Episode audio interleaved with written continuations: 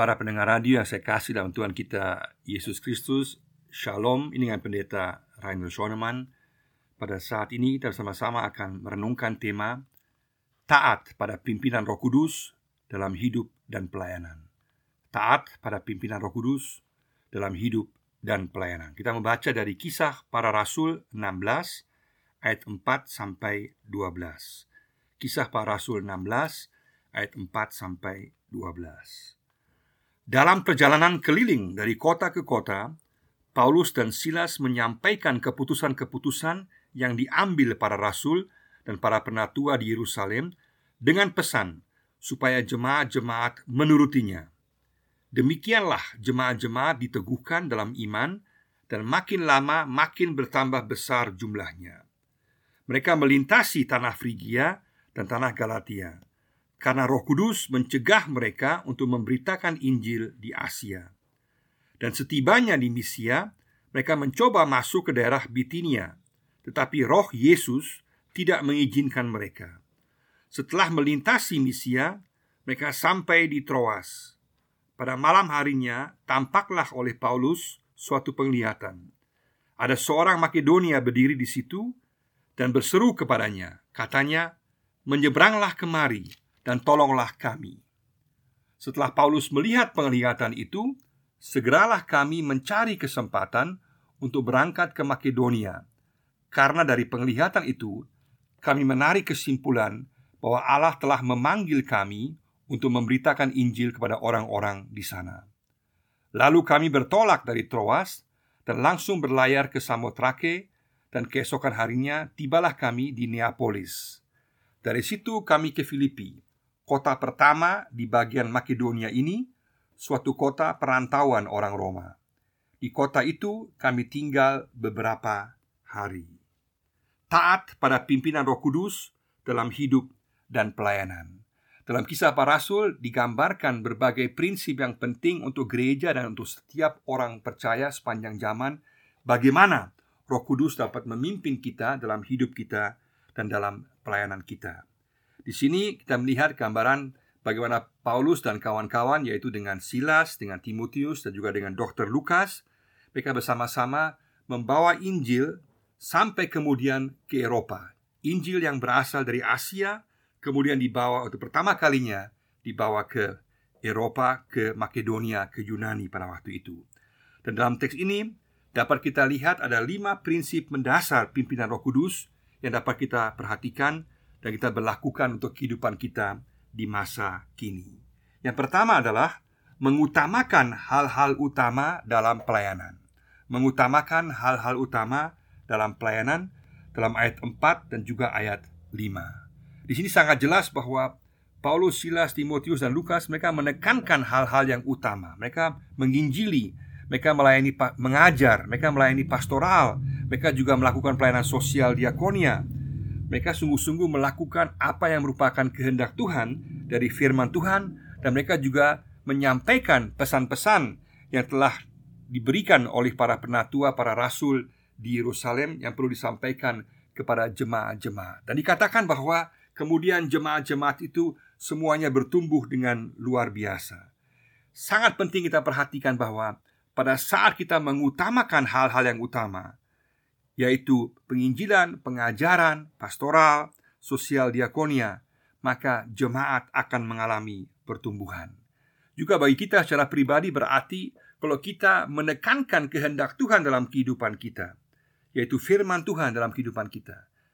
Hal-hal yang jelas dari firman Tuhan kita lakukan, maka kita pun akan mengalami penyertaan dan pimpinan dan berkat Tuhan. Maka di sini dapat kita simpulkan bahwa pimpinan Roh Kudus terjadi lewat firman Tuhan. Firman secara umum, Roh Kudus memimpin kita lewat firman Tuhan yang jelas, yaitu perintahnya, melakukan kehendaknya dalam kehidupan sehari-hari kita. Ini berarti kita melakukan apa yang sesuai dengan kehendak Tuhan.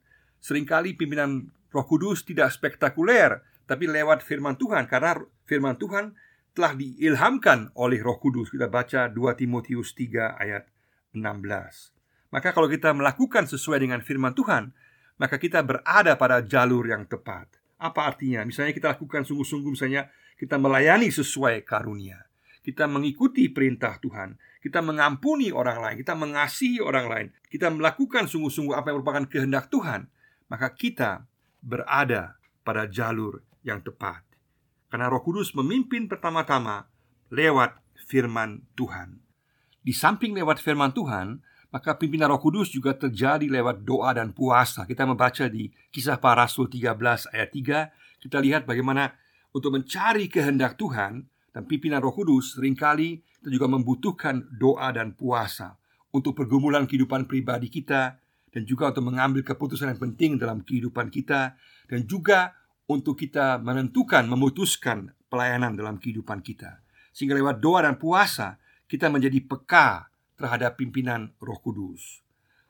Dalam hal ini bukan cara berpuasa yang menentukan, bukan lamanya berpuasa yang menentukan, tapi fokus kepada firman Tuhan dan berdoa itu yang menentukan sehingga kita sungguh-sungguh dapat dipimpin oleh Roh Kudus dan juga semakin mengerti kehendak Tuhan bagi kehidupan pribadi kita.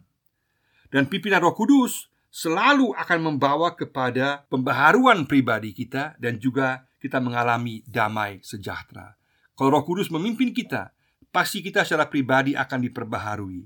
Paulus yang sebelumnya dikuasai oleh roh fanatisme agama, sekarang dia dikuasai oleh Roh Kudus. Pembaharuan pribadi terjadi pada dirinya. Dan Roh Kudus selalu juga akan memperbaharui kita. Setiap kali kita dipimpin Roh Kudus, maka kita akan mengalami pembaharuan. Kenapa? Karena yang pertama-tama Tuhan kehendaki dari kita adalah diri kita, baru kemudian pelayanan kita. Diri kita itulah yang menentukan bagi Tuhan. Sehingga kemudian juga Roh Kudus akan membawa damai sejahtera dalam diri kita. Pada saat Dia memimpin kita, kita akan mengalami damai sejahtera dalam kehidupan kita. Yang kedua adalah pimpinan Roh Kudus yang menutup pintu pelayanan. Ayat 6 sampai ayat 8. Pimpinan Roh Kudus yang menutup pintu pelayanan ayat 6 sampai ayat 8. Di sini digambarkan bagaimana Paulus dan kawan-kawan mereka telah melayani di daerah Galatia dan mereka sebenarnya mau masuk ke provinsi Asia dan juga kemudian ke Bitinia tapi kemudian dicegah oleh Roh Kudus. Cara Roh Kudus menghalangi mereka atau mencegah mereka atau menutup pintu tidak digambarkan dengan pasti dan jelas di sini. Yang pasti ada suatu keyakinan yang kuat dalam diri mereka. Mungkin ada ancaman, mungkin ada larangan dari pihak penguasa, mungkin ada sakit penyakit, ada berbagai hal yang mungkin yang menjadi penyebab luar yang mencegah mereka, kita tidak tahu pasti. Tapi mereka tahu pasti bahwa Roh Kudus sedang memimpin mereka. Akhirnya mereka melanjutkan perjalanan yang jauh yang melelahkan sampai ke bagian utara. Mereka tetap tahu bahwa Roh Yesus dikatakan ayat 7 yang memimpin mereka. Mereka tahu bahwa mereka berada dalam rencana dan kehendak Yesus. Ini berarti bagi kita pada saat kita tidak memiliki pimpinan Tuhan yang jelas, maka Tuhan mau supaya kita mengikuti pimpinannya secara umum yang jelas dalam Alkitab. Dan jangan kita memaksakan diri atau kita mendobrak pintu sendiri. Kalau ada pintu yang tertutup, itu berarti Tuhan mau membuka pintu yang lain bagi kita. Maka kita dipanggil untuk melakukan kehendak Tuhan, sabar, bertahan, melakukan apa yang Tuhan sudah berikan kepada kita yang secara umum yang jelas, itu yang kita lakukan. Sambil kita menunggu sampai Tuhan membuka pintu yang lain. Sejauh mana kita sungguh-sungguh sudah peka, kita memerlukan kepekaan kepada pimpinan Roh Kudus. Pada saat Dia menutup pintu, kita tahu bahwa Tuhan akan membukakan pintu yang lain.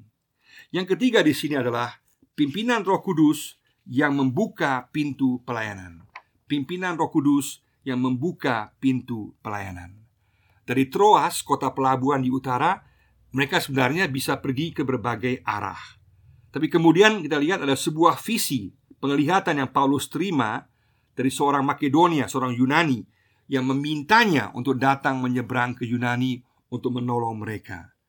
Dan memang visi dan mimpi seperti ini juga digambarkan dalam kisah para rasul di bagian-bagian yang lain untuk menyatakan kehendak Tuhan. Misalnya pasal 9 ayat 10, pasal 10 ayat 3 dan 17, juga pasal 18 ayat 9 dan pasal 22 ayat 17. Nah, dua kali Roh Kudus telah menutup pintu ke Asia dan juga ke Bitinia. Terus sekarang Roh Kudus membuka pintu untuk mereka pergi ke Makedonia lewat visi yang diperoleh oleh Paulus yang jelas dan apa yang dia dengar juga sangat jelas. Menyeberanglah dan tolonglah dan isinya adalah sungguh-sungguh sesuai dengan amanat misi Tuhan Yesus untuk membawa Injil ke seluruh dunia. Maka pimpinan Roh Kudus dapat terjadi lewat mimpi dan penglihatan. Kita tidak dapat menentukan cara Roh Kudus memimpin kita, karena Roh Kudus bersifat bebas dan berdaulat dan dapat memimpin dengan berbagai cara. Yang penting bukan cara Roh Kudus memimpin, tapi isinya yang menentukan. Dan sekali-sekali Roh Kudus akan pimpin kita lewat visi dan mimpi. Kalau visi berarti kita berada dalam keadaan yang sadar, kalau mimpi dalam keadaan tidak sadar. Kalau kita memiliki mimpi yang tidak jelas, yang tak lingkar, yang rumit, berarti itu pasti bukan berasal dari Tuhan. Karena mimpi atau visi dari Tuhan pasti bersifat sangat jelas, isinya jelas, suaranya jelas dan juga apa yang dilihat juga sangat jelas dan juga terutama sesuai dengan firman Tuhan. Kalau kita punya mimpi atau visi tak lingkar, kurang jelas, berarti mungkin kita makan terlalu banyak pada malam hari atau mungkin kita memiliki gejolak dalam jiwa kita. Maka pada saat itu terjadi, serahkanlah mimpi itu pada Tuhan karena itu bukan merupakan pimpinan Roh Kudus. Roh Kudus selalu memimpin dengan sangat jelas. Maka setiap kali kita memiliki visi atau mimpi, kita harus memeriksanya apakah sungguh-sungguh jelas dan sungguh-sungguh sesuai dengan kehendak Tuhan. Visi penglihatan yang diperoleh oleh Paulus ini membawa dia dan kawan-kawannya kepada sebuah pelayanan yang lebih khusus yang kemudian membawa berkat yang luar biasa. Mereka kemudian masuk ke Makedonia, ke Yunani, ke Eropa dan membawa Injil ke sana. Maka pimpinan Roh Kudus dapat juga membawa kita pada pelayanan yang lebih khusus dan kemudian membawa berkat. Artinya seruan tolonglah kami tetaplah berlaku juga untuk gereja di masa kini dan juga untuk kita pada masa kini. Artinya kita semua pun dipanggil Tuhan untuk menjadi peka terhadap panggilan tolonglah kami dalam lingkungan di mana kita berada. Di antara orang-orang yang membutuhkan pertolongan di sekitar kita atau tanah Papua secara keseluruhan atau Indonesia keseluruhan atau juga dunia secara keseluruhan. Yang penting bahwa kita harus peka terhadap pimpinan Roh Kudus yang mau menempatkan kita kepada pelayanan yang khusus yang membawa berkat pada kelompok-kelompok orang tertentu untuk membawa Injil keselamatan dan juga pertolongan kepada mereka. Pertanyaannya adalah sejauh mana kita sungguh-sungguh peka terhadap pimpinan Roh Kudus yang khusus ini yang akan membawa berkat dalam kehidupan kita dan juga bagi orang lain. Yang keempat adalah Pimpinan Roh Kudus dalam kesatuan dan keyakinan. Pimpinan Roh Kudus dalam kesatuan dan keyakinan. Ayatnya yang ke-10. Setelah Paulus mendapatkan visi penglihatan, dia membagikannya kepada teman-temannya. Dan mereka bersama-sama diyakinkan oleh Roh Kudus bahwa ini merupakan pimpinan Tuhan. Paulus tidak bertindak otoriter, tetapi dia sebagai pimpinan dia memutuskan bersama-sama. Dikatakan tiga kali kata kami yang muncul bukan saya, bukan aku, tapi kami. Kami mencari kesempatan, kami menarik kesimpulan, kami dipanggil untuk memberitakan Injil, termasuk Lukas juga yang menulis kisah para rasul ini. Artinya, pimpinan Roh Kudus selalu terjadi juga dalam kesatuan dan dalam keyakinan bersama dalam persekutuan pelayanan. Artinya pada saat kita memperoleh visi, kita memperoleh penglihatan, kita dipanggil untuk menyampaikannya, membagikannya kepada orang-orang lain yang dewasa secara rohani supaya mereka memberikan masukan, mereka memberikan pendapat, mereka memberikan usulan, nasihat kepada kita. Apakah yang kita peroleh itu sesuai dengan kehendak Tuhan dan perlu kita lakukan? Jangan kita anggap kita adalah single fighter. Tidak ada single fighter, tidak ada pendekar pribadi di gereja yang adalah kesatuan, kesatuan yang penting, yaitu kesatuan persekutuan pelayanan yang bersama-sama menguji dan mengetahui kehendak Tuhan secara jelas dan kemudian kita bisa mentaatinya sesuai dengan kehendak Tuhan. Maka pimpinan Roh Kudus sangat sering terjadi lewat persekutuan pelayanan. Maka kita pun dipanggil menjadi orang-orang komunitas yang sungguh-sungguh memotivasi orang lain, memberikan semangat orang lain pada saat orang lain mendapatkan visi, penglihatan yang jelas sesuai dengan kehendak Tuhan, kita memotivasi mereka kita melihat karunia-karunia orang lain, kita motivasi mereka. Melihat kemampuan orang lain, kita juga motivasi mereka sehingga pimpinan Roh Kudus juga terjadi dalam suasana komunitas Kristiani dalam Kristus Yesus di mana sungguh-sungguh orang merasakan dipimpin oleh Roh Kudus dalam persekutuan bersama-sama. Mari sama-sama kita menjadi suatu komunitas yang memotivasi orang lain, mendorong orang lain. Dan juga pada saat kita memperoleh visi penglihatan, kita juga mencari pendapat nasihat orang lain supaya kita berada pada jalur yang tepat. Dan yang kelima yang terakhir adalah ketaatan nyata kepada pimpinan Roh Kudus. Ketaatan nyata pada pimpinan Roh Kudus ayat 11 dan ayat 12. Setelah mereka memahami pimpinan Roh Kudus, mereka langsung berangkat. Mereka tidak tunggu-tunggu lagi, mereka tidak tunggu lagi ada penglihatan yang baru lagi atau mereka tunggu sesuatu yang lain lagi, bukan. Mereka tidak menunggu kepastian tanda yang baru, tidak. Mereka langsung taat dan berangkat. Karena apa yang mereka lakukan adalah sesuai dengan kehendak Tuhan.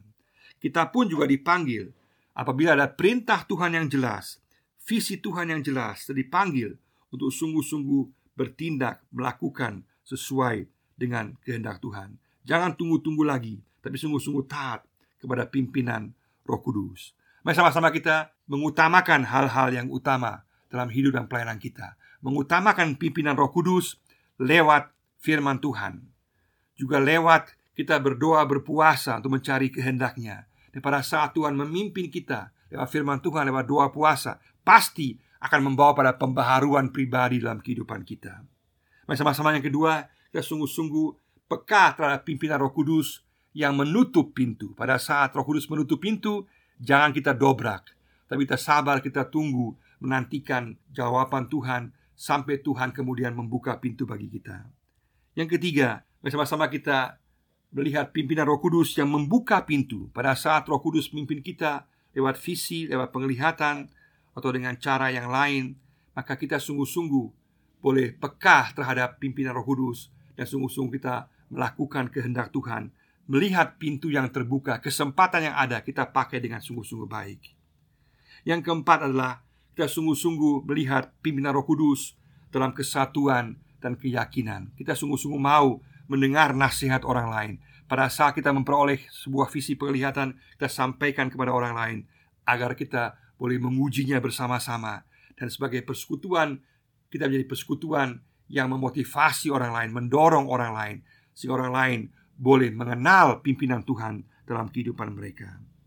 Dan yang terakhir, kita menjadi orang-orang yang taat kepada pimpinan Roh Kudus. Pada saat pimpinan Roh Kudus lewat firman Tuhan jelas, lewat visi dan mimpi jelas, lewat persekutuan orang percaya jelas, jangan tunggu lagi, tapi taatlah kepada pimpinan Roh Kudus. Maka kita akan mengalami pembaharuan pribadi, kita akan mengalami damai sejahtera dalam diri kita dan kehidupan kita pasti akan membawa pada pelayanan dan kehidupan yang membawa berkat bagi orang lain, bagi diri kita sendiri dan juga bagi orang lain. Sama-sama kita katakan kita mau taat pada pimpinan Roh Kudus dalam hidup dan pelayanan kita. Tuhan memberkati kita semua. Amin.